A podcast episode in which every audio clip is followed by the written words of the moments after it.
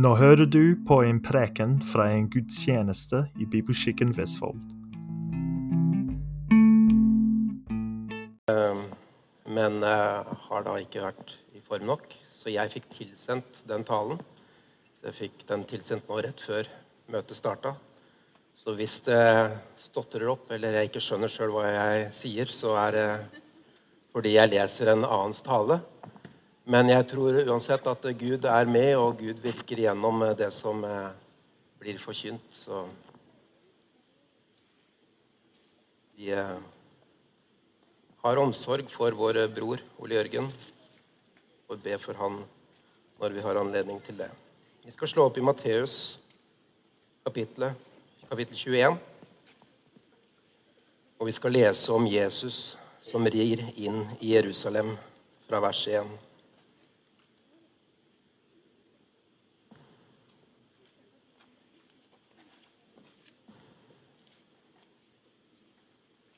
Her står det Da de nærmet seg Jerusalem og kom til Betfage ved Oljeberget, sendte Jesus to disipler av sted, og han sa til dem, Gå inn i landsbyen like foran dere. Der skal dere straks finne en eselhoppe som står bundet, og en fole sammen med den.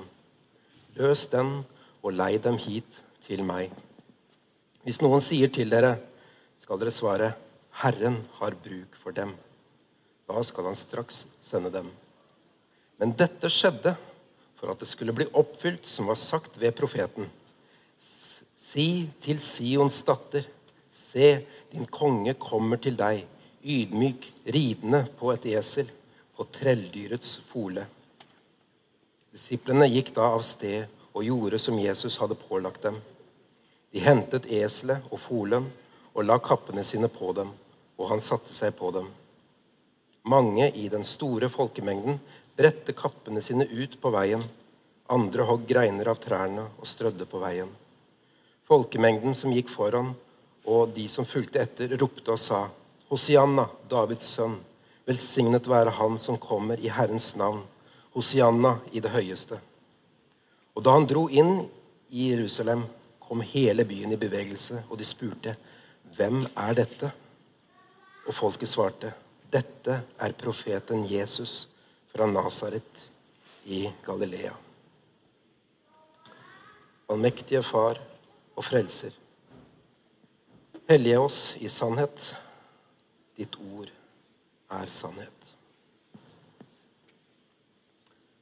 Det nærmer seg påske i eh, teksten vår. Og den romerske handels- og militærveien mellom Jeriko og Jerusalem myldrer av forventningsfulle pilegrimsvandrere. Og iblant de festglade menneskene møter vi altså Jesus og hans disipler, som da denne beretningen finner sted, nettopp har lagt bak seg en strekning på godt og vel over 2,5 mil. I vers 1 står det at de nå har ankommet Betfage, en liten landsby på østsiden av Oljeberget, øst for Jerusalem. Og det er kanskje nærtliggende for mange å lese vers 1. Er det min? Er det den? Ja visst.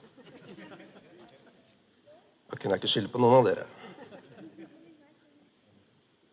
Vers 1 i kapittel 21 så er det kanskje nærtliggende for mange av oss å lese det som triviell fakta.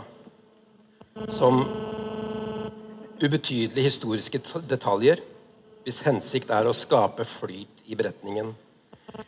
Eller å stedfeste det som blir gjort og sagt. Men om vi så bare har litt kjennskap til Matteusevangeliet, så vet vi at det aller meste som sies om Jesu person og virke, har en dypere mening. Grunnet fullt og helt i Israels historie og i Gamletestamentets vitnesbyrd. Matteusevangeliet er intet mindre enn fortellingen om en ny Exodus. Om løftenes oppfyllelse i Guds Messias, han som er den sanne og trofaste Israel.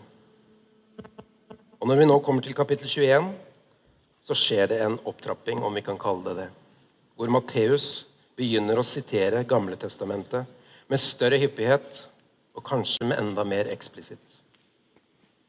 Jesu inntog i Jerusalem, tempelrenselsen og forbannelsen av fikentreet.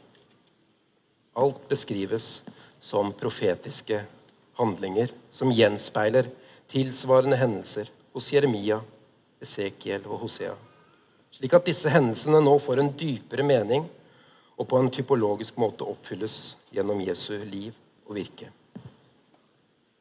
Det faktum at Jesus nå kommer triumferende, ridende inn i den hellige byen som Sions konge, Israels frelser, løftenes Davids sønn, og at stedet han umiddelbart kommer fra, er Oljeberget, øst for Jerusalem, viser oss at dette neppe er noe trivielt. For hvor var det at Herrens herlighet slo seg ned da den etter Jerusalems fall i 586 før Kristus steg opp fra den hellige by? Jo, ifølge Esekiel kapittel 11, vers 23, ble den værende, og jeg siterer, på fjellet som ligger øst for den. Altså øst for Jerusalem. Og hvor var det ifølge den jødiske forventningen at Messias skulle åpenbare seg til dom og frelse? Riktig. Når Messias kommer, så skal han ifølge Zakaria kapittel 14 vers 4, og jeg siterer, stå med føttene på Oljeberget, som ligger rett mot Jerusalem i øst. Dette blir klarere når vi nå beveger oss videre. I siste del av vers 1 står det at Jesus sendte to av sine disipler av sted. Det spiller egentlig ingen rolle hvem av disse var, men vi vet særlig fra Lukas at han likte å sende Peter og Johannes på forskjellige ærend, så kanskje det var de. Eller en av dem pluss Jakob. Så I vers 2 står det at de to disiplene fikk i oppgave å gå inn i landsbyen, sannsynligvis Betfage, finne et esel og en fole, binde dem løs og ta dem med tilbake til Jesus. Og Vi kan ikke da klandre disse to disiplene hvis de stilte seg undrende til denne oppgaven. Kan hende de også ble redde for at de hadde sluttet seg til en organisert kriminell gruppe. Men jeg tror neppe det er tilfellet. Men det er litt spesielt når man tenker over det og setter seg inn i situasjonen. Men vi vet fra Johannes evangeliet at disiplene ikke skjønte den profetiske betydningen av denne oppgaven før Jesus var herliggjort. Først da står det i Johannes kapittel 12, vers 16.: Husket de at dette sto skrevet om ham? Så om Jesu kjennskap til eselet og folen vitner om hans forutviten, eller om han bare har observert dem under sine mange gåturer, er ikke godt å vite. Det samme gjelder også det som står i vers 3. I Matteus kan det se ut som om frasen 'Herren har bruk for den' fungerer som en guddommelig befaling som på mirakuløst vis fører til at de som observerer at disiplene tar med seg dyrene og bare lar dem gå. I Markus ber imidlertid Jesus disiplene om å betrygge vitnene om at eselfolen vil bli levert tilbake etter kort tid. Så om dette hinter til Jesu allmakt, eller om omstendighetene bare er godt tilrettelagt, det er heller ikke godt å si. Det er dog ikke unaturlig å se både Jesu allvitenhet og allmakt i denne situasjonen. Men the overall feel av dette avsnittet er at Jesus har fullstendig kontroll. Og det som er i ferd med å skje, er helt klart orkestrert av Gud for at det som står skrevet hos profetene, skal bli oppfylt. Og i vers 4 er det nettopp det vi blir fortalt, at eselet og eselfolen tjener som uunnværlige midler i Guds frelsesplan den som loven og profetene vitner om. Dette skjedde for at det ordet skulle oppfylles som er talt gjennom profeten, står det i vers 4. Dette er ikke helt riktig, for profetien som siteres i vers 5, er i realiteten en sammenveving av Jesaja kapittel 62 vers 11 og Zakaria kapittel 9 vers 9. Og Det er imidlertid ikke første gang at Matteus tilskriver en sammenveving av to eller flere profetier til profeten eller til en navngitt profet. Dette er en del av Matteus' hermenetiske strategi, og den gjør vi vel i å studere nærmere. Men vi tar oss ikke tid til det nå. Det som er viktig for vårt vedkommende, er å finne ut nøyaktig hva som blir oppfylt gjennom Jesu inntog i Jerusalem. I Jesaja kapittel 62 vers 11 står det i en kontekst som fremfor alt fokuserer på den kommende frelsestidsalder, da Gud skal gjøre alle ting nye. Versene forut for vers 11 handler om Israels gjenopprettelse fra eksil og språket har en såpass klar eskatologisk overtone at vi skjønner at det dreier seg om noe mer enn Asyria og Babylon. Og verset Matteus siterer fra, ble i Nytestamentet og den tidligere kirke tolket fullstendig messiansk. Der leser vi om Herren som lar hele jorden få høre at han vil frelse sitt folk, sin datter Sion. Og gjennom et enkeltindivid hvis mennesker han vinner, skal kalles det hellige folk. Det samme gjelder Zakaria, kapittel 9, vers 9, som også handler om Israels frelse og gjenopprettelse. Vers 9 introduserer et avsnitt som beskriver kongen av Sions komme, hans triumferende seier og den totale gjenopprettelse og fornyelse av Israel. Ifølge vers 9 er denne kongen rettferdig og rik på seier, og han kommer ridende på en eselfole. Selv om dette avsnittet åpenlyst bruker et militært språk, så handler det i realiteten om fred. Gud skal gjøre ende på stridsvognene og hestene til Efraim. Sions konge skal forkynne fred for folkeslagene, og hans fredsrike skal nå fra hav til hav, fra storelven til jordens ender. Blodet av pakten mellom Gud og hans folk skal sette fanger fri og gi dem håp. Noe som ifølge Matteus sikter til paktløftenes oppfyllelse i Jesu blod. Så sett bort ifra vers 12 og 13, hvor Gud lover seier over grekerne, så står vi igjen med et bilde av en ydmyk fredsfyrste som forkynner frelse og barmhjertighet til sitt folk. Som snarere enn å komme med militærmakt for å tilintetgjøre jordiske fiender, er rede til å gi sitt liv for at den ondskap som ligger bak all jordisk ondskap, skal bli tilintetgjort. Det som finner sted i Matteus kapittel 21, vers 1-5, er helt klart å betrakte som en bokstavelig oppfyllelse av profetiene i Jesaja kapittel 62, vers 11 og Zakaria kapittel 9, vers 9.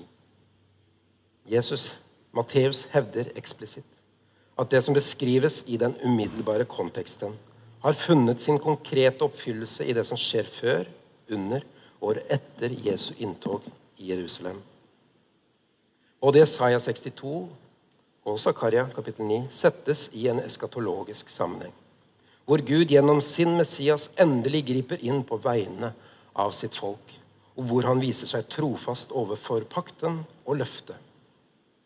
Zakaria forutså en enkeltindivid som ville komme ridende inn i Jerusalem på en eselfole. Etablere sitt fredsrike og regjere som konge. Og ved å ikke sidestille, men sammensmelte denne profetien med en messiansk gjenopprettelsesprofeti hos Jesaja, som munner ut i kosmisk frelse og fornyelse. Så har Matteus servert oss et mer fullstendig bilde av Jesu Messias-gjerning. Inntoget i Jerusalem viser seg altså å være en symbolsk eller profetisk selverklæring, hvor Jesu opptreden samtidig er et synlig krav på kongemakt og Messias-status. Og I første omgang kan det virke som om at planene har fungert. Da Jesus nærmer seg Jerusalem, blir han omringet av mennesker på alle kanter. Og de kler av seg kappene sine og skjærer greiner fra trærne og legger det foran ham på veien. Både foran og bak seg kan Jesus høre mennesker som roper Hosianna, Davids sønn. Velsignet er han som kommer i Herrens navn. Hosianna i det høyeste. Hosianna betyr noe i retning av 'kom med hjelp' eller 'gi frelse'. Men ble i liturgisk sammenheng anvendt som et lovprisning og påkallelsesuttrykk. Benevnelsen 'Davids sønn' er særlig viktig for Matteus. Og I denne sammenheng er det svært passende at de anvender nettopp denne tittelen. Gud hadde nemlig gjort en pakt med David og lovet at i hans ett ville det bli konstituert, altså grunnlagt, et evig kongerike for hans navn. Og Selv om Matteus her siterer folkemengden, så vet vi fra andre steder i hans evangelium at Matteus knytter sterke bånd mellom Messias og den kommende Davidkongen. Poenget, tror jeg, er å understreke for det første at Messias og Davidssønnen har vist seg å være én og samme person. Og for det andre at Messias vil regjere som konge. Lovordene som Jesus hører fra folkemengden, er hentet fra Salme 118. En salme som ble benyttet under feiringen av løvhyttefesten og påske. Begge til minne om frigjøringen fra Egypt og Hanukka, hvor man minnet gjeninnvielsen av tempelet i Jerusalem etter at makabeerne hadde gjenerobret byen. Det er derfor ikke så merkelig at denne salmen på Jesu tid nettopp var knyttet til et eskatologisk håp om nasjonal selvstendighet. Og sannsynligvis, sannsynligvis også en forventning om en messiansk inngripen. Så hvordan endte det hele? levde Jesus opp til jødenes forventning om nasjonal selvstendighet, seier over fremmedmaktene og opprettelsen av et nytt gudsrike. Vel, når flere av de samme menneskene som ropte Hosianna i det høyeste da Jesus redde inn i Jerusalem, bare fem dager senere roper 'korsfest, korsfest', så skjønner vi at de hadde andre forventninger til Guds Messias enn det Jesus hadde maktet å levere. Hvordan kunne han være den kommende David-kongen, Guds veldige Messias, Israels gjenløser? Han hvis kongetrone ble et romersk kors, og hvis krone ble, være, snarere enn å være av gull og edelstener, ble en innretning av tornegrener. Han som istedenfor å seire over fremmedmaktene ble henrettet av, den, av dem sammen med forbrytere. Nei, han kunne vel ikke være Messias Sions konge. Ja, Vi kan vel kanskje gå så langt som å kalle ham en ukonvensjonell Messias. Men sannheten er den at Jesus faktisk utrettet alt som har ventet av ham. Dommen, snarere enn å være rettet mot den romerske imperiet, var i første omgang rettet mot ondskapen selv. Dernest, eller i forlengelsen av dette, Jerusalem, tempelet skriftlærde, fariseerne. Israels frelse, snarere enn å innebære militær utfrielse, viste seg å bestå i menneskehetens frelse og begynnelsen på løftenes kosmiske nyskapelse. Og Gudsriket, snarere enn å være et jordisk teokatri, teokatri var allerede begynt å utbre seg gjennom Jesu helbredelses- og åndsutdrivelsesvirksomhet. Det at Guds rike viste seg å være en maktsfære som erobrer terreng gjennom misjon, og som venter sin konsumering i alle tings fornyelse ved parosia, altså Jesu gjenkomst. Og som vi vet, så ble ikke Jesus liggende lenge i graven. Nei, kun tre dager etter sin begravelse ble det ord som var talt gjennom Daniel i kapittel 7, oppfylt. Jeg så i mine nattsyner og se, med himmelens skyer kom en som var lik en menneskesønn. Han gikk bort mot den som var gammel av dage. Kan også eh, beskrives opp til den som var gammel av dage, og ble ført fram for ham. Han fikk herskermakt og ære og rike så alle folk og nasjoner og tungemål skal tjene ham. Hans herskermakt er en evig makt som ikke skal forgå. Hans rike går aldri til grunne. For merk, hva Jesus sier til øversteprestene da han står for det høye råd Matteus kapittel 26, vers 64. Men jeg sier dere, fra nå skal dere få se menneskesønnen sitte ved kraftens høyre hånd og komme på himmelens skyer. Og likeså i kapittel 26, vers 18-20. Jeg har fått all makt i himmelen og på jorden. Gå derfor og gjør alle folkeslag til disipler. Døp dem i Faderens og Sønnens og Den hellige ånds navn, og lær dem å holde alt det jeg har befalt dere. Og se, jeg er med dere alle dager inntil verdens ende. I de to siste versene av dagens tekst står det, vers 10 Da han dro inn i Jerusalem, ble det uro i hele byen. De spurte, 'Hvem er dette?' Og mengden svarte, 'Det er profeten Jesus fra Nasaret i Galilea.' Folkemengdens svar, dog helt korrekt, var langt ifra tilstrekkelig. For han var Nei, han er så mye, mye mer. Hva er han for deg? Hva svarer du når mennesker spør deg om din tro? Er Jesus din personlige guru? Er han en som gir deg makt og rikdom? Er han en ideologisk figur som du henviser til kun for å underbygge dine konservative politiske meninger? Det kan heller ikke ha vært så lett for disiplene å svare på dette spørsmålet. I hvert fall ikke da de så Sions konge hengende på et kors mellom to forbrytere. For et paradoks. Verdens frelser, Guds Messias, og der henger han. Blodig, forslått, delvis flådd av en romersk pisk. Døende. Hva slags seierherre er det? La meg til slutt sitere en tekst som på en herlig måte kaster lys over dette paradokset.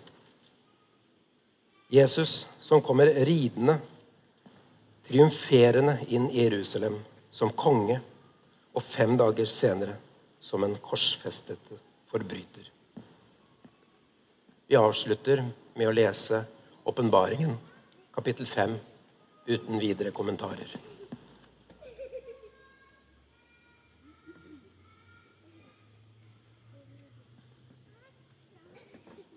Og jeg så at han som satt på tronen, hadde en bokrull i sin høyre hånd. Det var skrevet både inni i den og utenpå, og den var forseglet med syv seil. Og jeg så en mektig engel som ropte med høy røst. Hvem er verdig til å åpne boken og bryte seilene på den? Det var ingen i himmelen eller på jorden eller under jorden som kunne åpne boken eller se i den. Da gråt jeg sårt fordi ingen var funnet verdige til å åpne boken eller se i den. Men en av de eldste sier til meg, gråt ikke. Se, løven av Judas stamme, Davids rot, har seiret. Han kan åpne boken og de syv seilene på den. Og jeg så og se, midt mellom tronen og de fire livsvesener og de eldste sto det et lam liksom det hadde vært slaktet. Det hadde syv horn og syv øyne. Det er de syv Guds ånder som er sendt ut over hele jorden. Lammet kom bort til ham som satt på tronen, og tok boken av hans høyre hånd. Da det tok boken, falt de fire livsvesener og de 24 eldste ned for lammet. Hver av dem hadde en harpe og gullskåler fulle av røkelse. Det er de helliges bønner.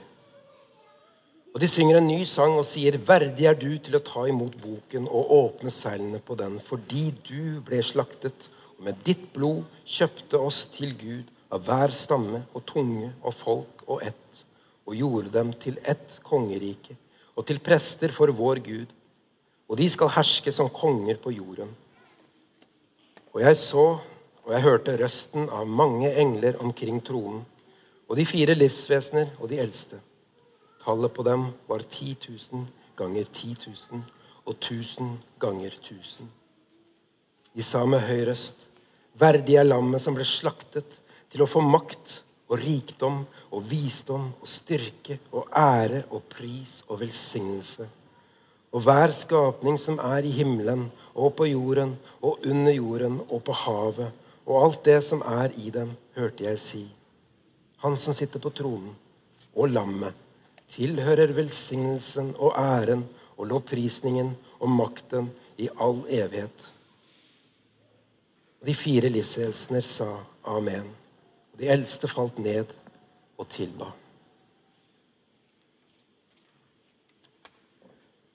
Kjære gode Gud, hellige Far. Jeg takker deg for at du har gitt oss Bibelen. Du har gitt oss ditt ord, og du har åpenbart deg for oss gjennom ditt ord. Jeg takker deg, Herre, for at du har gitt oss mennesker, skrøpelige som vi er, evne til å kunne få se og få åpenbart de ting som står i ditt ord.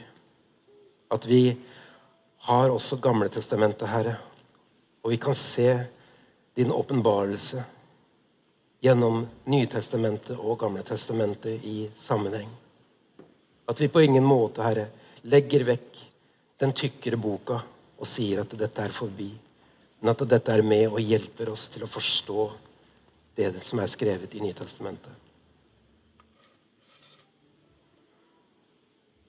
Jeg ber om at du hjelper oss. Gir oss en ydmyk ånd og hjelper oss med Den hellige ånd til å forstå det som er skrevet. Til å være åpne, Herre, og til å bli leda av deg. Jeg takker deg for at det, ditt ord er levende og virksomt og skarpere enn noe tveget sverd. At det ikke er eh, slik at bare vi har lest igjennom én gang, så har vi lest Bibelen. Men at det er alltid skatter der, Herre. Alltid nye skatter som vi kan eh, grave opp og finne. Og som gir oss et større åpenbaring av det store bildet som du har gitt oss gjennom hele Bibelen. Hjelp oss til å ha denne respekten for ditt ord, og til å ha den viljen til å daglig lese og til å sette oss inn i og være villig til å forstå det som du har skrevet. Jeg ønsker også å be deg for Ole Jørgen og den situasjonen han står i nå. Jeg ber om at du helbreder ham, Herre. At du gir ham evne til å hvile, til å ta det med ro, og til å ta situasjonen han står i, alvorlig. Jeg ber om at du hjelper oss som menighet til å bli påminna om å be for Ole Jørgen og, og til å ha omsorg for ham. Jeg ber om at du også velsigner Jannicke, som står sammen med ham, og også gir henne krefter til å stå sammen med mannen sin. Velsigne familien Dahl, Herre. Jeg ber også for eh, de andre i menigheten vår også som, som har eh, plager, psykiske og fysiske. Jeg ber om at du er med oss, Herre. Hjelper oss, gir oss styrke og kraft. Og at eh, du gir oss den nåden vi trenger. Det takker jeg deg for. Ber om din helbredelse. I Jesu navn. Amen.